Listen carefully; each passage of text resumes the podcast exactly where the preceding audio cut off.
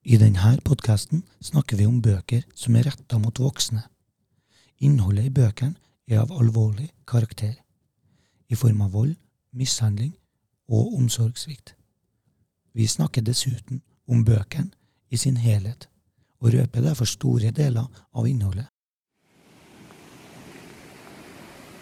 Du lytter til Stormkast, og dette er Ringer i vann.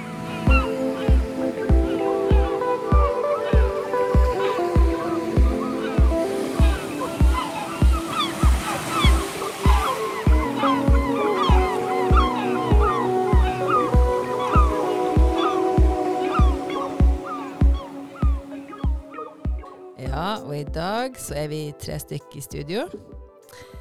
Det er Solgunn, Soli, meg, og så er det Det er meg, og Runar Brutegårdsen. Og så er det Line som er tilbake. Ja. Hei, og velkommen tilbake. Tusen takk. I dag skal vi snakke om Skabelon av eh, Malin C.M. Rønning. Og det her er ei bok som eh, er underkommunisert. Den kom ut under koronaen. Og den var en del av bibliotekets litteraturpris i fjor. Og når man hører på samtalene omkring den, så hører man at alle som har lest den, er sånn over forfær over hvor god den er, og hvor lite den er snakka om. Den handler om uh, Urd. Vi blir kjent med henne når hun er ca. fem år, og så følger vi henne til hun er ungdom. Urd bor i skogen, fem kilometer fra nærmeste vei, i lag med mora, og de er åtte søsken. Faren han er der noen ganger, men da bor han i en buss på tunet. Han kommer inn i huset noen ganger, men ikke så veldig ofte. Mora hun er lykkeligst når hun føder barn, og når hun sitter i badekaret og røyker, eller sitter i stua og røyker. Når ungene begynner å klare seg sjøl, altså begynner å krabbe og sånn, da er, mister hun interessen for dem. Virker det sånn. Urd er kjempeopptatt av dyr, naturen. Hun sanser luktene. Hun kan eh, lukte at det ligger et dødt dyr, dyr i skogen. Hun kan si at gjennom mora sin sigarettrøyk så kjenner hun en annen lukt bak. Hun er opptatt av edderkoppene som kryper, og opptatt av bjørn og reven, og hun har et veldig sterkt forhold til naturen. Da. Det er en eh, nydelig bok. Den handler om omsorgssvikt, den handler om eh, kjærlighet, og den handler om ensomhet. Og det er ekstremt mange ting som ikke blir sagt, men som ligger mellom linjene, og som jeg gleder meg til å høre om mine medbibliotekansatte er, er liksom Hva syns vi om denne boka? Line først. Nei, altså jeg liker jo boka kjempegodt. Det er eh, Det er bare veldig fint, og hvordan det er bygd opp med alle de antydningene og alt som ligger mellom linjene. Men jeg merka det når jeg leste den på nytt nå, at det er så mye jeg ikke skjønner. Det er eh, sånn Det er en del ting som jeg syns blir veldig fragmentert. At, eh, og det er jo ikke en bok som man leser med en sånn Det er jo en slags rød tråd der, siden det er kronologisk i forhold til oppveksten hennes. Men eh, allikevel så er det så mye enkeltepisoder, og det er så mye info som jeg føler at man mangler når man leser den. da. Så jeg har tidvis vært eh, ganske forvirra. Ja. Var du mer forvirra nå på andregangslesing enn på førstegangslesing? Ja, fordi eh, første gangen så, når jeg leste den, så ble jeg bare overvelda. Fordi er, jeg syns det er så sinnssykt fint og bra på alle mulige måter. Men nå som jeg var liksom mer forberedt på akkurat det aspektet, så la jeg mer merke til kanskje enkelte detaljer i teksten uh, som gjorde at jeg begynte å lure. Mer som hva er det egentlig som skjedde nå? Altså, jeg, jeg skjønner ikke slutten. Uh, det er noen partier midt inni der hun ikke får pannekaker. Det skjønner jeg ingenting av. Uh, jeg syns det er Og så er- lurer jeg veldig på Ja, nei, det er liksom så, en del sånne småting som eh, Men det kan hende vi kommer litt inn på etter hvert, etter hvert som jeg kommer på det. Jeg vil tro at det kan være en større oppgave, eller en vanskeligere oppgave å lese boka for andre gang. For den er jo så proppa full av, eh, av sanseinntrykk, først og fremst, da, men av, si, av informasjon, kanskje. Sånn at, eh, sånn at ved førstegangslesing så sorterer man jo sånn lettere, fordi at man skal, man skal forstå og komme seg gjennom. Og når du allerede kan, eller kjenner til det, så tar du til deg mer av all den informasjonen. Ja, fordi første gangen jeg leste den, så ble jeg så utrolig grepet av stemninga. Uh, Ja. Jeg leste noen intervjuer med henne, uh, og det virker som hun er veldig fan av David Lynch. Og det er litt sånn David Lynch-aktig stemning i boka, som jeg ble veldig fanga av første gangen. Mm, kan du si noe mer om Er det, altså er det en, den er mørk, dyster Mørkt og dystert og liksom gotisk og forvirrende. eh, og eh, altså sånn Det at det er Hun refererer jo flere ganger til at det er en slags skygge som er ute i skogen. Den her revesaksa som hele tiden blir trukket opp. eh, som garantert er et symbol på noe. eh. Vi har jo snakka litt grann om eh, situasjonen til hun mora eh, i boka det er jo noe spesielt at hun hele tiden ligger i badekar og røyker. Og jeg vil jo tro at det er et bilde på en sånn renselsesprosess. mm. Fordi hun har jo et veldig stort problem med sine foreldre igjen.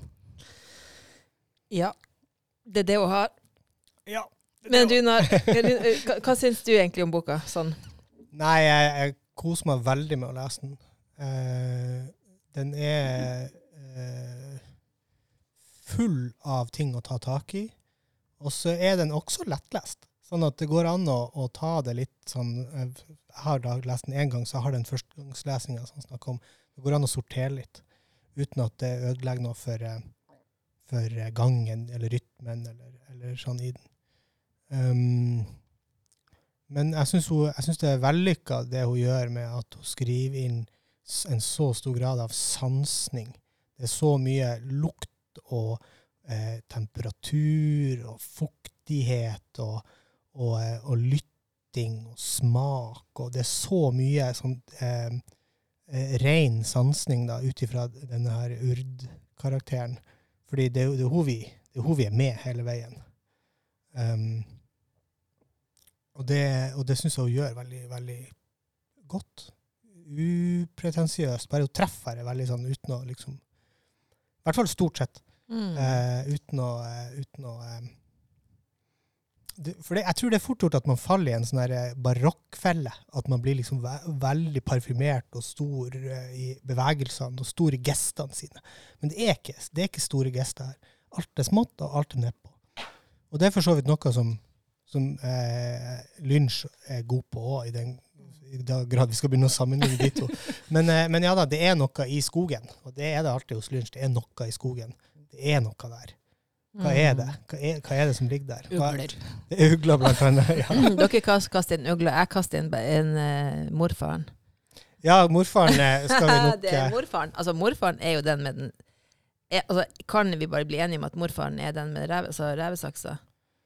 Eller er det helt eh, feil tolkning av meg? Nei, jeg vil gjøre det. Du kan egentlig ta det så banalt som at eh, det er eh, mora i historien som sitter i saksa. Ja. Ja, Mm. mora, sitt, mora sitter i saksa, og faren Og så er det sånn at jeg tror at Jeg tror at faren, altså fa, faren til mora, altså bestefaren til ungene, er, også er faren til ungene. Iallfall til mange barn. Det tror jeg. Ja, det impliseres ganske godt, syns jeg. Eller ganske mye. Ja. Ja. For Ja. når hun har vært i skogen og kommer tilbake. Ja. Det, Ja, ja, hun kommer tilbake og Urd ligger på gulvet. ja, helt i starten av boka. Ja, helt i starten av boka. Og det eh, altså, Jeg tenker kanskje, kanskje leseren, eh, dere som lytter, kan lese litt på det sjøl, men vi har også en annen episode der det er der han drar hjem til mormora og morfaren for å plukke rips. Ja. Ja. Og da kommer jo Urd inn i gangen til besteforeldrene for første gang i sitt liv. Hun visste ikke engang at hun hadde en bestemor, eller en mormor. Hun hadde hørt om henne, men hun hadde aldri hilst på Hun hadde ikke hilst på henne hun går inn i huset heller. Og så ser hun at mora sine sko står i gangen. Og så har de fått beskjed at de får ikke lov til å gå inn i huset. Hvis de skal tisse, så må de gjøre det bak hekken. Og så vil lillebroren bæsje. Så sier hun ja, men vi bare går inn i huset. Og så kommer de inn i gangen, så ser hun skoene til mora. Og hører hun at det er en annen stemme, en voksen damestemme som snakker i en telefon, og så går de på do. Og så hører hun at inne på et rom så ligger det to stykker og lager dyrelyder, og en gisper. Ja, det er kjempeekkelt. Det er veldig ekkelt. Ja, men da tenker jeg det er mora og Ja, det syns jeg virker veldig tydelig. Ja. Ja. Og så er det den andre, en annen scene når han, morfaren er på besøk hos de, som han sier rett ut at han ikke liker gravide kvinner. Så alle de her barna, om det er eh, rett og slett en sånn forsvarsmekanisme for å få lov til å være i fred, da. Det er, eh, altså så lenge de er babyer også, så får hun være i fred. Og så etter hvert som de blir større, så kommer han tilbake. Altså de er jo født med sånn ett og to års mellomrom. Mm. De er søsknene. Det er jo ganske intenst. Og hun er vel bare sånn 36 eller noe sånt, hun mora. Ja, og 34-årsdagen de feirer, tror jeg. Ja. Ja, når, eh, når Ek blir invitert inn i stua. Ja. Jeg tror hun er så ung som det. Mm. Så um, jeg lurer på om den uh, det, eh, ikke, ikke skriv inn, holdt jeg på å si hvis jeg tar feil, men jeg lurer på om det er den samme scenen med morfaren hvor uh, han faktisk ut, bruker dette skabelonuttrykket for urd. At han, det er jo én en scene hvor det er han som kaller hun for en skabelon. Eh, mora kaller Mora henne kaller. Var det mora som Mora gjorde det? kaller Ja. Når hun dama med vandrestaven er på besøk. Å, det, da, ja, det er det Mm. besøket. Mm. Sånn var det. Ja, ikke sant. Ja. ja. Sånn heksa som kommer ut av eh, skogen-aktig. ja. Og får mat. Ja, for da har de jo plutselig mat. Altså, de har jo aldri mat. Og jeg syns hun har gjort det her òg veldig fint med den derre Det er den hintinga som er hele veien, med sånn den blå-hvite huden, at man ser en ryggrad. Mm. At man, de, de spinkle beina og sånn. Du skjønner at de barna her er jo helt uh, underernært. De, Ja. og, det er, eh, og det er melbiller, og det er eh, altså, nei, Hun har noen helt fantastiske beskrivelser av det miljøet som er der. Og så samtidig som du Runar så er det, sånn, det er jo egentlig et ganske sånn enkelt språk. Det er ikke, det gjør at det fungerer. For hvis det hadde vært veldig sånn svulstig og svulmende, så tror jeg vi hadde Mm. dette helt av lasset. Mm. I hvert fall jeg. Mm. Jeg tror det er nødvendig for at det skal funke. Um, det vil si, jeg tror språket er på Urd sine premisser. Mm. Ja, og det, altså at det må fungere for femåringen, seksåringen, sjuåringen Mm. osv. Men også den, da, den ekstremt eh, naturbundne femåringen, seksåringen. Ja, for dette, når hun får vite at mora har en mor, når hun for første gang oppdager at mora har også en mor, så lurer hun på hvordan ser mora til, mora til min mamma ut. Ikke sant? Ser hun ut som en revemamma, eller en edderkoppmamma, eller en ravnemamma? Ja. Og så, sier, så spør hun mora, og så sier mora at eh, hva tenker du på mormor? Og så er det sånn Å, er det det det heter? Hun vet ikke, hun har ikke begrepene, for de har ingen venner, og de er veldig ensomme. De har ikke noe kontaktnett. De har bare hverandre. Men de har ikke det engang. Nei, jo, nei det, det er for så vidt sant, men det er noe helt klare bånd imellom de, eh, de ungene, selv om de, er, de er, ikke fungerer litt sånn som vi forventer at unger skal fungere i lag, som er sosialt kondisjonert. Men de har jo hverandre på, på et vis. De er, eh, det, det er jo spesielt et eh, sterkt bånd til størstebroren Ask, Mm. eh, men også de andre, de eldre sø søstrene. Er uttrykt et bånd både ene og andre veien når Ira blir veldig syk og må gå på sykehuset, og Una som i det at hun drar tidlig ut for å gifte seg. sånn. Altså, det er helt tydelig emosjonelle bånd, og det er relasjoner her som, som eh, har fungert eller har vært ivaretatt så lenge de bor i lag i huset. Og det er også en viktig del av denne boka, at de blir færre og færre i huset. At de flytter ut en etter en, de ungene, etter hvert som de blir 16, eller hva de blir. Jeg syns det er veldig fint eh, Det er en scene der eh, de er og besøker Ask etter at han har flytta hjemmefra. eh, I den leiligheten som han bor i, eller rommet, eller hva det er for noe. Det ene er at det er første gangen, eller den eneste scenen der man egentlig skjønner når det her foregår. Fordi hun refererer til at det henger en plakat på veggen med et barn som svømmer under vann. Så Nirvana-plakaten. Mm. Og så er det det at eh, han har jo flytta hjemmefra. Så han har jo tatt masse ansvar for søsknene sine. Han har flytta hjemmefra, han skal klare seg for seg selv. Og så går han i dusjen og vasker opp en skitten kjele med balsam for å poppe popkorn. Så det er åpenbart at han fungerer ikke helt optimalt. Og, det, og hun søstera som da gifter seg når hun er 16 og sånn, så man begynner jo å tenke veldig på det at altså, det blir aldri bedre. At det, her er generasjoner som går etter hverandre. Og kan egentlig noen av de her barna bli bedre, eller kommer man til å overføre det til den neste generasjonen igjen? Da? Altså, det er jo litt sånn demotiverende. Mm. Ja, altså det er ganske stor sannsynlighet for at hvis det her hadde vært eh, åtte unger i dag, åtte unger i skogen i dag, så hadde de hatt de hadde store utfordringer med å klare et normalt liv. Og for at de ikke kan, de kan ikke de sosiale reglene.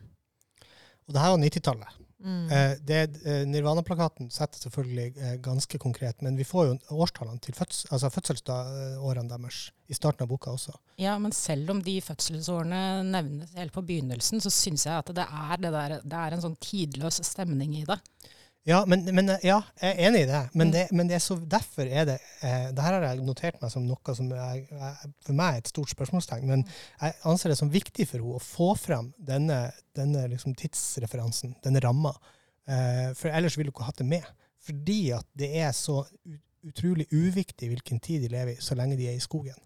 Så det at du har den der, den der eh, klang, eh, det klangrommet med den faktiske tida, som er 90-tallet, og i Norge Eller ja, er det i Norge? Ja, det er Norge. tror jeg. ja, ja, i hvert fall at, at du har en, en, en mer sånn konkret referanse.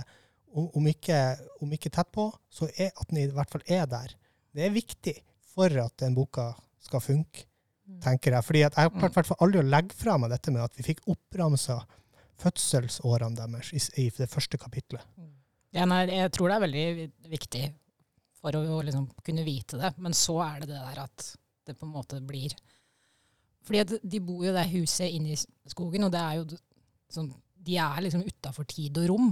Det er, ikke, det er jo ikke noen naboer som kan følge med på hva som skjer. Det er ikke noen, noe barnevern som er involvert. Det er ikke altså Selv når hun begynner på skolen, så blir hun jo ikke sett av lærere eller eller medelever, eller noe som helst. Altså, hun er jo usynlig og liksom utenfor alt. Ikke tatt alvorlig. Det er jo en lærer som skal sende henne av gårde på et besøk til ei, til ei klassevenninne for å se om noe skjer, men det blir jo aldri tatt videre. Som lukter varm kakao og varme boller. Mm. Ja. Mm. Og så har vi jo barnet, altså når hun jenta som havna på sykehus i noen uker, hun sier jo at de voksne på sykehuset kjenner mamma. De vet, eh, vet om henne, de snakker om henne, de ler av henne. Og de gir meg masse mat. De gir meg mye mer porsjoner. Større porsjoner enn de andre. Eh, og sier at de må spise hele tida. Så de, samfunnet kjenner til denne familien, men allikevel så holder de nesten på å sulte i hjel. Og hun ene hadde jo kanskje dødd hvis ikke broren hadde båret henne til veien. Så her er vi på en sånn institusjonell omsorgssvikt. Ja, på, omsorgssvikt på alle kanter, men Ja. samtidig er det, jeg syns ikke den er så trist, denne boka. Nei, det, det er jo full av liv. Ja, den er full av liv på alle mulige måter, og livskraft. Full av natur.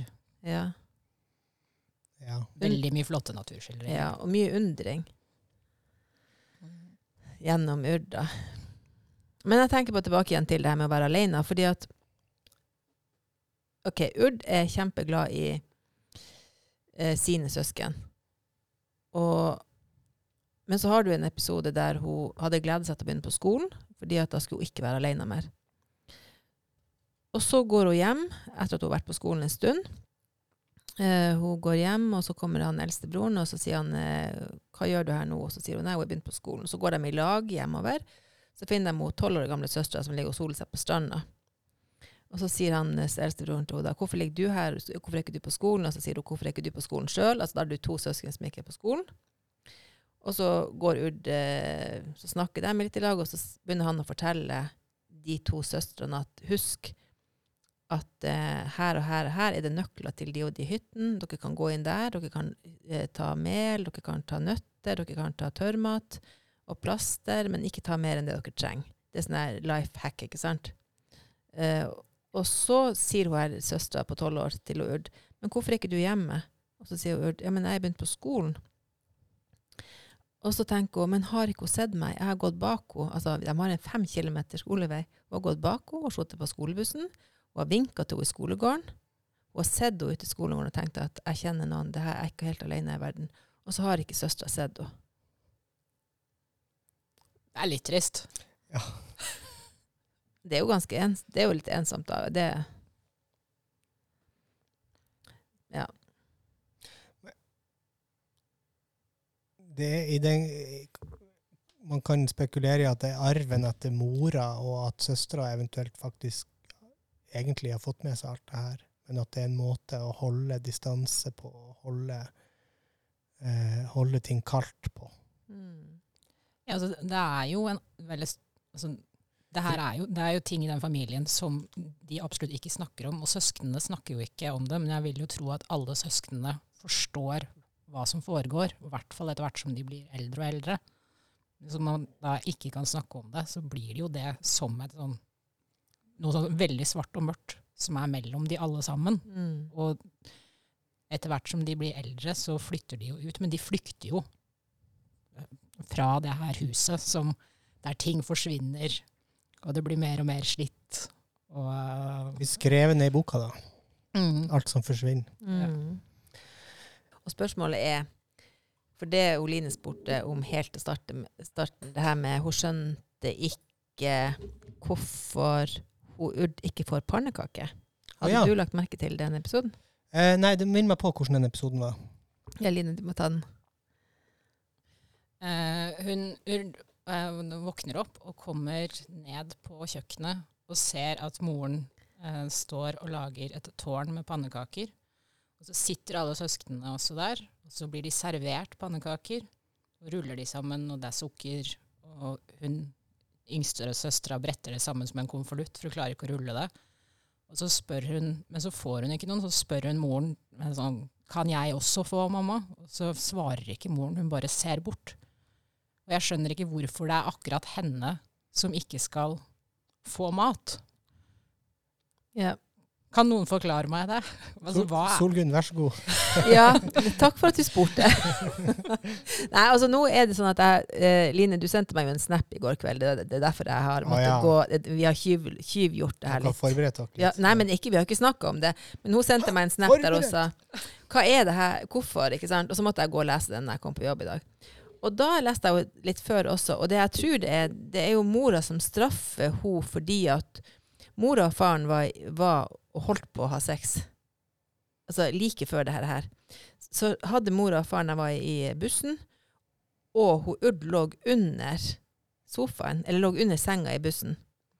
Og så sa så eh, De oppdaga henne ikke, men, for de måtte gå, men jeg tror at det ble oppdaga at hun var der. Og så for hun ut i skogen like etterpå og, ba, og skulle bade. Der holdt hun på å bli utsatt for et seksuelt overgrep av to gutter. Og når hun kommer tilbake igjen, så er mora kjempesint på henne og sier at 'jeg har prøvd å lære deg alt', og så enda går du og gjør så mange idiotiske ting. For at hun er jo Nå begynner både bestefaren og faren å se på henne, selv om hun er ti år, så begynner de å se på henne med et, et annet blikk. Og mora, det virker som mora er en sånn dobbelthet i forhold til Hun prøver å beskytte henne fra bestefaren og prøver å beskytte henne fra faren. Det her er min vurdering, da. Og så når hun kommer tilbake, så er hun kjempesint på henne, for at hun utgår å og legger seg, og når hun kommer ned da, så sitter de og spiser alle sammen. Så har det, vært, det har vært det der før at mora er så sint på henne av at hun nå er ti år og begynner å Kanskje hun føler at Jeg vet, jeg vet ikke. Jeg tror eh, Altså, det er nok en god forklaring. Det henger jo på greip, det du sier. Når det, skjedde, det skjedde i den rekkefølgen. Ja. Ja. Eh, jeg har, eh, nå, nå når jeg ble påminnet om den, så eh, er min lesning av den, akkurat den scenen på litt mer eh, generelt plan i forhold til det med at Urd føler seg alene og føler seg annerledes og føler seg eh, eh, eh, kun med seg sjøl, også innenfor familien. Og det er knytta til em, altså det, det, blir, det blir jo veldig enkelt å skal liksom sette sammen puslespillbrikkene på den måten. Men jeg, det, det, det er på dette grunnlaget at jeg anser det som at skabellonen, den ene av alle de åtte, er hun som har morfaren som, som sin biologiske far. Eh, at, det er, at, det, at det ligger en eller annen form for eh, em, eh, altså at, at det er en realitet for mora, og derfor så vil hun alltid være en annerledes, og alltid bli behandla litt annerledes, og i enkelte situasjoner så vil man merke det enda bedre. Men, eh, men, eh, men det er mer sånn i, i em, dialog med hele fortellinga, at, at det alltid er en, eh, en utenfors, et utenforskap hos henne som vi får være med på, da, som vi ikke ser hos, hos Den, alle, alle de andre ungene. Det syns jeg er en uh, interessant teori. Uh, at uh, kanskje det er rett og slett at det er bare hun Urd som er Morfaren sin. Ja. Ja. Det er der som hun blir pressa enda mer ut. For moren vet det jo. Ja. Eller kan det være det er jo helt enig, en veldig interessant teori, jeg hadde ikke tenkt på det. Men kan det være at hun er den eneste som ikke er morfaren sin? ja. At det Det er er selvfølgelig også en, Altså- Det gjør jo alt eh, mye bedre.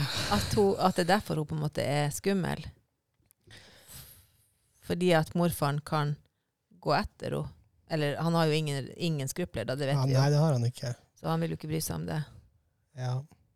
Nei, altså, jeg vil tro at det i så fall er tilfeldigheter som ligger til rette for enten for det ene eller det andre, i og med at han morfaren er, er som han er. Men jeg må bare si at min lesning av, av han faren er helt annerledes. Mm. Ja, jeg opplever han som ganske sånn der, eh, når han først er hjemme, vel å merke, og i bussen sin, som jo det hele den greia der kan man jo også snakke om i timevis. Men eh, altså, og, og måten han forholder seg til, til ungene på, spesielt hun da, med 'der er du', eh, den virker egentlig ganske avbalansert. Egentlig er jeg enig med deg. Jeg Ja. tror egentlig ikke at det, at det er noe sånn seksuelt der. Men, men det er en del seksuelle det, altså det er en del scener med seksuelt innhold der Urd er veldig oppmerksom. Ja. Nedtelling, og går inn og begynner å telle til 1000. Og så hører hun mora sine skritt, og så hører hun faren sine skritt, og så, hører hun, så teller hun ned til 500, og så hører hun mora hyle, eller noe sånt. Da, altså, det er litt sånn Ja. Og så har du det der i, den bussen, så har du, en, du har noe annet. Men det handler ikke om Urd, det handler om mora og faren. da. Ja, og den episoden som jeg nevnte så vidt, hvor de inviterer Ek inn Mm. i festen deres. Kan du si noe mer om den? Nei, altså, eh, i den grad jeg husker den ordentlig, så eh, kommer Ek hjem, og de to driver og feirer 34-årsdagen, eh, og er litt fulle. Og han kommer hjem, han har med seg kamera som han har fått fra Ask. Eh, og så er både mora og faren litt sånn, hei, kom inn, bli med oss her i stua. Eh, og hun har på seg en kjole og flekker av seg overdelen av kjolen, og han skal ta bilder. Eller, altså det er, det er noen ladninger der som, eh, som Og Urd får med seg det her fra gangen, eller fra Mm. gjennom Jeg husker ikke helt om hun satt i- om det var mellom etasjene, eller hvordan det var. Men det er i hvert fall en eh, en eh, incestuøs, Mm. veldig sånn Mm. Klar, direkte scene. Ja, og moren forklarer det jo med at eh, hun har uh, gitt de barn siden hun selv var 16 år gammel. Uh, altså sånn, gitt de, ma ma gitt de mat siden de var 16 år gamle. Uh, Ja. Så han må bare, egentlig bare finne seg i at hun blottlegger seg selv for han. Så det er jo det er mye ubalanse i relasjonene. Ja. Her. Mm. Ja. Ja. Nei, altså, den, den mora Hun virker jo helt ute av stand til å gi omsorg til ungene. Når de er kommet over et år, da. Før det òg. Ja. Ja, hva, det er en sånn Ja. greie med at hun Ud kan, kan se mora ute i hagen, og så ligger da et av småsøsknene der. Og så går mora bare inn, og så er det Ud som da går ut. Og hun er, skjønner jo at hun er så liten at hun klarer nesten ikke å bære det her andre barnet engang, men får dratt det inn, og det har masse stikk Ja. i ansiktet. Mm. Dette er Bas. Det er før L kommer til verden. Ja. Ja, Det er helt i starten av boka. Mm. Det, det er når det her Unnskyld, nå avbrøt jeg deg, men eh, Nei, det går helt fint. det er bare fordi at det her er jo når Det her er jo en sånn Den er jo også ekstremt sånn Hæ? Eller lynsj igjen, om du vil. Altså sånn, for det her driver jo eh, Det her er jo en scene som, eh, hvor, eh, som avsluttes med at eh, Urd for, eh, hører grevlingen rope fordi at Og det var jo ikke noe rart, fordi hun har jo lova den kjøtt. men mens hun sitter i skapet med babyen i armen. altså, ja, det, er en lang, det er et flott, langt parti, det her. Altså. Hun, går, hun går jo og mater den. Hun går jo og Ja, ja. finner jo masse mat, og så legger hun eh, Hun vil jo at grevlingen skal spise opp babyen. Ja, hun legger sporene inn i, inn i huset. Fordi at mora har tatt eh, en leke fra hun som hun følte var hennes, og lagt det til babyen. Og når hun oppdager det, så blir hun Ah. Kjempesint. Ja. Og så blir hun sint, og så går hun og samler mat som grevlingen kan få, så legger hun spor. Sånn var det.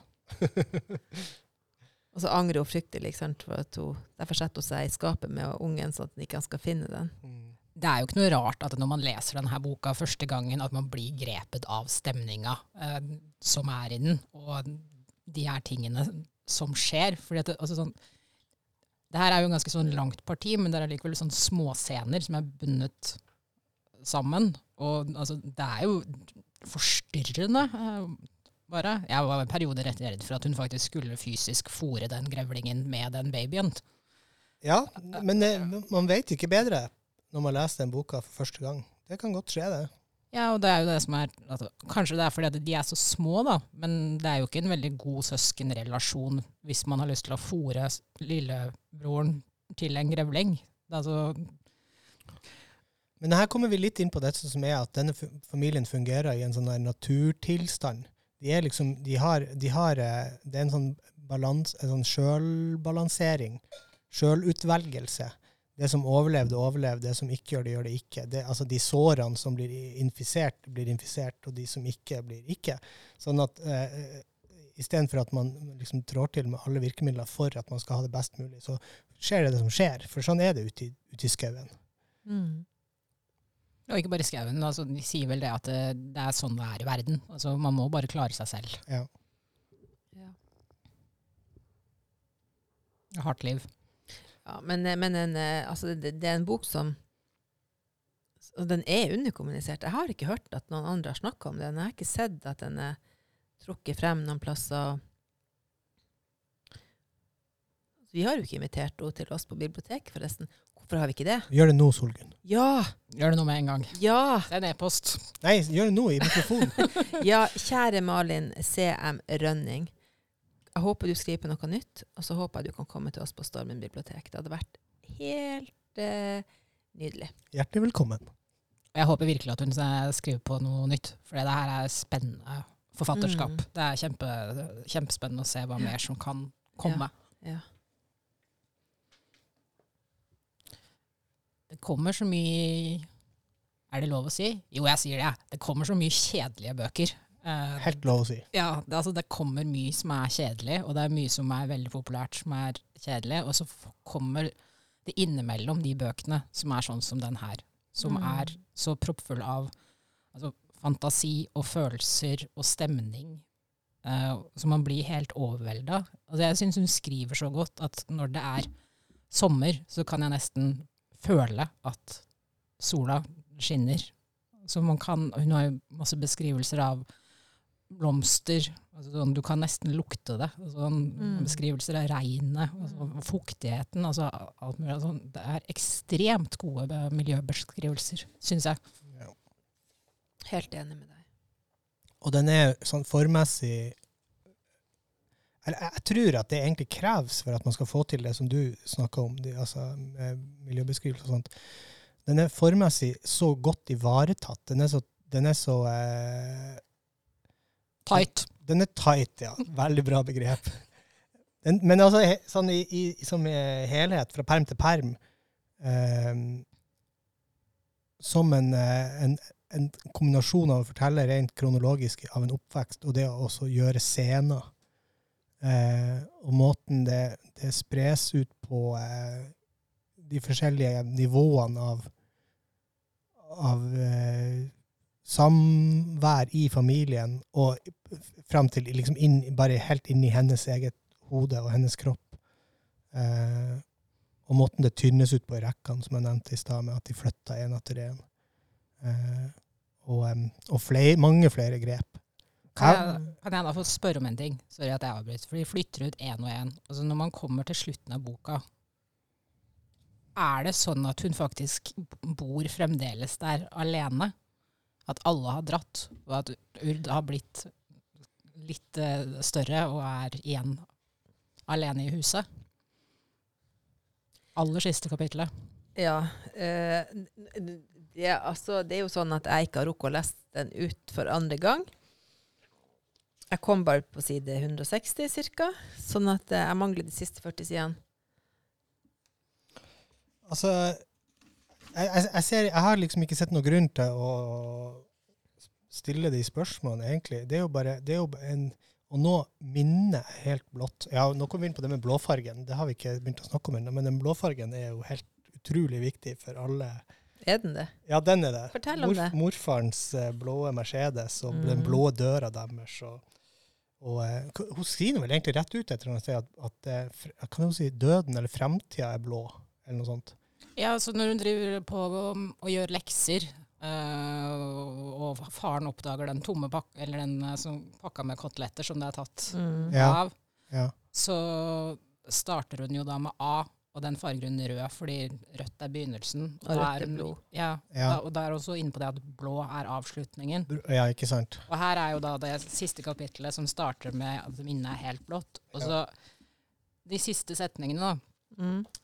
Det finnes ei dør i veggen under skråtaket, innenfor der en madrass med stripete laken, en solkrem, Nivea, et sjokoladepapir. Altså er hun igjen alene? Jeg, jeg blir veldig bokstavelig uh, på, altså- på, på slutten her. Jo da, men hun er jo tilbake der. Hun er alene der. Men Men, men det her er jo minne. Og det- hun, har også- hun starta også det siste avsnittet med 'Jeg kan tenke meg huset bortenfor'. Eika på tunet. Bussen i skogkanten. Så det er jo, en, det er jo, en, det er jo mer en idé. Nei, men at hun kanskje ligger inne hun, Altså, hun ligger inne på rommet. Kan hun ligge inne på rommet? Ja, alt er jo mulig, men, men det er på en måte Jeg tror ikke den bokstaveligheten Eller jeg, jeg ser i hvert fall ikke noen grunn til å lese den spesielt bokstavelig. Jeg tror jeg bare trengte, eh, trengte en litt sånn tydelig avslutning. Du, du trenger closure. Jeg trenger closure på, Ja. på det her. Og, det, Mm. Og så i mitt hode så fungerer det som en ganske god avslutning, det at hun er tilbake. Altså, huset har jo forfalt enda mer. Hun refererer til gardinene i, i vinduet og råte eh, og det råtne i veggen og alt mulig sånn. Men at eh, det fremdeles eh, er noe der, da. Mm. Men jeg tror hun er fremdeles eh, helt alene, og hun er alene igjen. Alle er borte. Ja. Men ja, en slags udefinert framtidig tidspunkt. Mm. Ja. Mm. Ja. Skal jeg lese litt ifra den der episoden inne på når hun eh, Urd eh, kommer til best, eller mormora og morfaren for første gang, og tar med seg lillebroren inn, da? Ja, for det er kjempekoselig. ja. Nei, jeg vet at det ikke er så veldig koselig, men det er bare for å beskrive. Der får vi med oss ganske mange ting. Jeg får høre. Ja. Hun ehm, eh, Jeg hører en lyd der borte fra. Noe faller i gulvet. Så mye uro i denne lufta. Jeg går nedover korridoren, kikker inn i rom. Innafor ei seng, et nattbord, et klesskap, et vindu. Alt hvitt. En lysende firkant på gulvet. Det er sola. Den innerste døra er lukka. Det trekker fra nøkkelholdet. Jeg bøyer meg ned. Jeg lukter. Og det er merkelig, for trekken bærer ikke med seg noe utenfra. Det finnes ingenting der som minner om sommer eller varmt gress fra et åpent vindu. Trekken må komme fra et annet sted i huset. En kald og våt plass på undersida. Det lukter også dyr og hud. Jeg legger øret inntil døra. Jeg hører to mennesker. Jeg hører en som puster. Jeg hører en som jamrer. Jeg går gjennom skogen i minnet. Jeg leiter over grønn mose, inn mellom granene. Der finner jeg revesaksa, rusten og kald. En rådyrkalv sitter fast i den. Forbeidet vrengt ut fra kroppen i helt feil vinkel. Kalven ligger på bakken med fråde rundt munnen, med tunga ut. Det hvite i øynene, synlig og stort. Et åpent sår på beinet. Kalven har prøvd å gnage av seg foten. Den er sliten nå. Det er ikke skrik igjen i munnen. Det er forferdelig. Jeg husker ikke at det var så direkte krøssklipping, som det heter, mellom eh, de to scenene. Men det er akkurat det. De går direkte inn, og kalven er mora, og revesaksa er morfaren. revesaksa, den eh, eh, den, den, er jo et sånn, den har jo en sånn status gjennom hele fortellinga rundt all, all naturbeskrivelsen Mm. Og, eh, og, den, eh, og direktekoblinga mellom følelseslivet til urd og naturen, så finnes en rævsak som er et, sånn- et, kaldt, et iskaldt fremmedelement, Mm. som til enhver tid er der, og som, dere, som, som du sa også i stad, som den spennes opp igjen. Den spennes opp igjen. Ja, for Urd går, at, Urd går jo dit og tar eh, utløser den Ja. med en trepinne. ja. Men det er sånn uh, Rett etter det du leste nå, Solgunn, så dukker jo mormora opp Mm. for uh, første gang. mm. Og hun er jo også bare superskurk. Grusom. ja hun er sånn Disney-skurk, nesten. Ja, fordi at du Cruella de vil. Ja. hun vet tydeligvis hva som foregår. Mm. Eh, moren til Urd sier jo det at moren ikke har vært noe snill med henne. Blant annet det der at du er så stygg at du aldri kommer til å få deg noen mann. Mm. Så det her har, de her overgrepene har åpenbart foregått lenge, og hun moren har visst det hele tiden. Mm. Og hun lar det fremdeles pågå. Mm. Uh, og det er det der med at de ikke skal gå inn i huset, om det er for faktisk å beskytte de her barna lite grann, eller om det bare er for å være slem, det, det vet jeg ikke. Men altså, det er jo, hun er i hvert fall en superskurk av en annen, uh, av en annen verden. Det er jo litt for å beskytte status quo, tenker jeg. Ja. At det, dette er sånn det er. Det, Ja, og så virker det jo også sånn som når de få beskrivelsene som er av de her besteforeldrene, så virker det jo som at de er i en helt annen økonomisk situasjon enn det denne familien er. Uh, I bryllupet til søstera så kommer det vel fram også at de har bidratt veldig økonomisk til det. Så det er vel da en sånn familie der man ikke snakker om ting. Nei, for at bestemora skal kunne vaske. Hun har Mm. ikke tid til å gjøre noe annet, hun skal vaske. og han morfaren har en blå Mercedes. Ja, han går i dress. Ja, han går i dress, ikke Han er kortklipt. Ja. Men når hun, eh, bestemora kommer og oppdager Urd inne i gangen, så sier hun jo at du har ikke sett noe, du vet ingenting, du vet ingenting, hører du. Ja, og så har hun også en sånn beskrivelse uh, Nå husker jeg ikke helt. Nei, og, å ja, hun sier jo, hun sier jo til uh, Bas og Urd små rotter, dere tror dere kan pile inn hvor som helst og ta for dere. Ja, det er jo ikke sånn der hyggelig bestemor-snakk. Men så får hun en kjeks, da. Ja, det, ja, det avsluttes med en liten sånn Ja, men nå, nå, nå gjør vi det godt igjen. Eller noe. Ja, Smørkjeks. ja, veldig snålt. Men også eh, på et eller annet vis eh, jeg skulle, jeg skulle, Ikke forutsigbart, men, men litt sånn at du skjønner Å ja, selvfølgelig, det må jo skje. Men, Ja. eh, men dere, nå har vi jo bo- boka oppe, alle tre. Ja. Eh, jeg bare Det er en I forhold til dette med overgrepene fra morfaren, så er det jo ett sted i boka hvor hun eh, forteller eh, Eller hvor Urd sier altså Nå skjønner hun det. Nå går det opp for henne. Hva er det egentlig som, som skjer? Jeg, jeg, men jeg klarte liksom ikke helt å koble hvor det var henne. Det er ett sted hvor hun, hvor hun ser på de frem og tilbake, og så, og så har det nærmer seg et slags lite eureka. Klarer ikke å finne det ut, men jeg vil bare tilbake igjen til den blå ryggen, til det blått. Ja. lagt, jeg har faktisk ikke lagt merke til det blå. Oh, ja. Og nå er vi på tur ut ifra eh, De har vært hos bestemor og bestefar for første gang, de er på tur hjem, og så De skal jo gå i tre timer tilbake igjen. ja. Og her, her Og da vet vi at mora har vært, eller det vi kan anta er mora som har vært inne på soverommet med bestefaren og laga lyder. Jeg tror vi slår oss med til ro eh, på en si måte det? Med at Ja. det er sånn. Og nå går de, ikke sant? Så står det her 'Ryggen til mamma langt der fremme, blå'. Ja. Hva, hva, hva, hva? Altså, nå får jeg lyst til å lese den for tredje gang. Og så legge merke til alt det blå. Hun graver med en blå plastspade når hun henter maten til grevlingen. og sånne ting. Det er veldig mye blått. Malin, du må komme til oss og snakke med oss om Ja. det her. Og, og så er jo selvfølgelig eh, Det har vi ikke engang begynt å prate om, men det er jo et, eh, et niende søsken som blir født. Et blått barn. Ja. Ja, det var det òg, ja. Ja. Så det er mye blått. Blått er slutten, og blått er døden. Ja. Og den blå døra til mormor og morfar sitt hus opptrer først i en drøm, hvis ikke jeg husker helt feil, og så også når de skal dit på ripsplukking. Det er ikke noe rart at man tar inn David Lynch uh, Nei, nei. i det her. Altså. Det er med mye symbolbruk og sånn visuelt. Men det her er jo virkelig en bok vi vil anbefale alle våre lyttere til å låne. Absolutt. På alle mulige måter. Ja. Ja. Jeg jeg fant noen notater. Det er jo den ring, opalringen. Er det Eh, jo blått? Ja, opal er blått. Eh, Det er jo mamma sin ring med en blå stein. Og så var jeg litt sånn usikker på om eh, Jeg klarte ikke å huske om det faktisk var en slags giftering, eller om den hadde en annen funksjon. Men eh, Det er vel en del blå blodårer også. ja, det er de er det så tynne. Tynne, tynne, tynne barn. Og nå, ja, nei. Og den eh, Nei.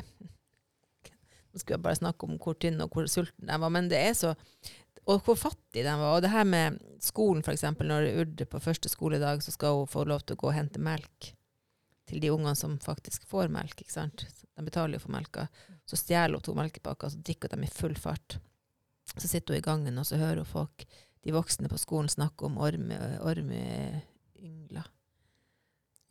Ja, og så har du den gangen når hun når hun var så eh, altså, Snakk om at de er nødt til å huske at klok tirsdag klokka fem så skal de gjøre det og det, og det er det hun lærer på skolen. Men hva nytter nytte det for henne, fordi hun har aldri den 50-lappen som skal leveres før tirsdag klokka fem. Uansett hvor mye hun leter, og uansett hvor mye hun passer på tida, så, så har ikke hun de pengene, og det finnes ikke noe penger. Og de er jo sultne. Hun lager jo brenneslesuppe på løk og salt. Det husker jeg ikke. ja, nei, det jeg, det jeg husker aller best, er det når Ask drar frem løk og potet for å gi mat til hun som hadde vrikka foten, som kommer innom.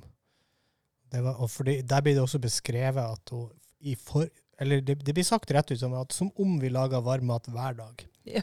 Og i forrige uke hadde hun sleika i seg et egg. Mm. Ja, har også fått et speilegg eh, uka før. Ja. Ja, og liksom, hvor, tenk at de hadde også smør.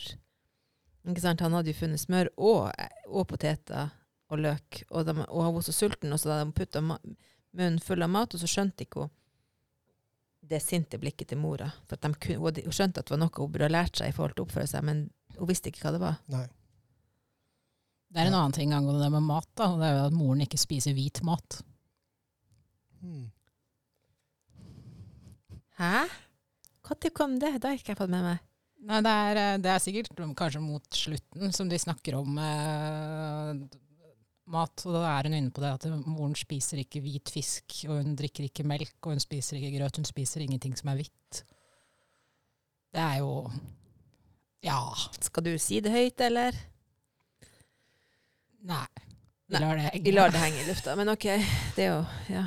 Nei da, men uh, Hun ligger i badekaret mm. som en sånn renselsesgreie hele tiden. Hun spiser ingenting eh, som er hvitt. Altså, det er overgrep, så det holder her. ja. Det blir mer og mer tydelig gjennom boka, men vi har uansett konkludert med det, da. Ja, vi, ja, vi har jo det. det så ler vi litt. Det er ikke meninga å le av det. Men altså, vi har jo snakka om denne boka en stund nå. Altså sånn en stund her på podkasten, ja, men vi har også snakka om den sånn når vi treffer hverandre mellom hyllene her på biblioteket. Fordi at det er en så spesiell bok. Ja, den er veldig unik. Er det noen flere poenger vi skal ta inn? Nei, altså jeg tenker nå må folk bare komme og låne, og hvis den er utlånt som den kanskje er, så fjernlåner vi til dere. Ja, ja, ja. Det går kjempefint. Jeg vil gjerne nevne én ting Ja. eh, før vi gir oss. Eh, jeg driver jo og hamrer løs på dette med at vi egentlig fokuserer på leseropplevelsen og sånt i denne serien med podkaster her. Men jeg måtte gjøre en ørliten eh, researchjobb på denne. Det har med tittelen å gjøre. Mm. Har, har dere gjort det? Har dere sjekka noe på ordet skabelon? Måtte jo det. Ja, måtte jo det. fortell om, hva fortell om hva skabelon er. Nei, skabelon eh, I bunn og grunn er det samme ordet som sjablong. Eh, det har blitt brukt på veldig mange forskjellige måter, eh, men ofte så er det dette med at altså, En sjablong er jo som vi vet en mal eller en silhuett for noe eh, visuelt. da. Eh, men, eh, men eh, så vidt jeg har kunnet se i min korte Google-økt, eh, så er det dette med at eh, sjablongen da, jo, eh, representerer ikke noe, bare liksom formen. Den er tom. Så det er et, et negativ av noe. Eh, og, eller i den grad jeg har lest det inn i tittelen, så er det den, den, det skabelonbegrepet vi, er- vi, eh, som jeg ser, i hvert fall. Og det er også en grunn til at det var lettere for meg å begynne å, se litt på OK, mora kalte henne en skabelon, og, uh, og morfaren uh, Og morfaren var kanskje grunn, grunnen til det. At hun var skabelon av, de, av alle de åtte. Hva du leste ut av researchen, Line? Nei, jeg begynte å spekulere på det her med ja, altså, Det er sjablong, det er en form. Men det er jo ofte det at man har den for å lage sånn repetisjon. Ja. Altså, så det er jo noen som er form av øh, noe. Altså, jeg syns det er en veldig fin tittel, fordi at den, den henger liksom øh, Den henger der. ja.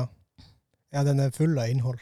Ja, også, men også fordi at det først så lurte jeg på om det egentlig sto sånn skarabé, eller sånt, fordi at på forsiden av boka så er det jo biller. Ja, og det tror den, akkurat det at de har gjort det som et, eh, et grep, tror jeg må være altså Det er jo kjempefint, for du får sånne skadedyrassosiasjoner til ordet. Men det betyr jo ikke det i det hele tatt. Nei, jeg har også, altså- jeg også tenkt skarabé, skabelon, skarabé, henger til sammen?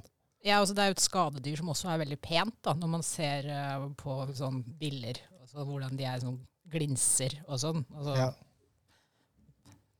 Det er veldig mye tvetydighet uh, i en del av det her. Det kan vi være enige om. Altså, jeg syns det var eh, interessant å høre deres eh, lille samtale om skabelon. Ordet. Takk, det samme. Mens jeg tok bilde av dere. Å ja, for det var det du drev med. Ja, jeg ble litt distrahert.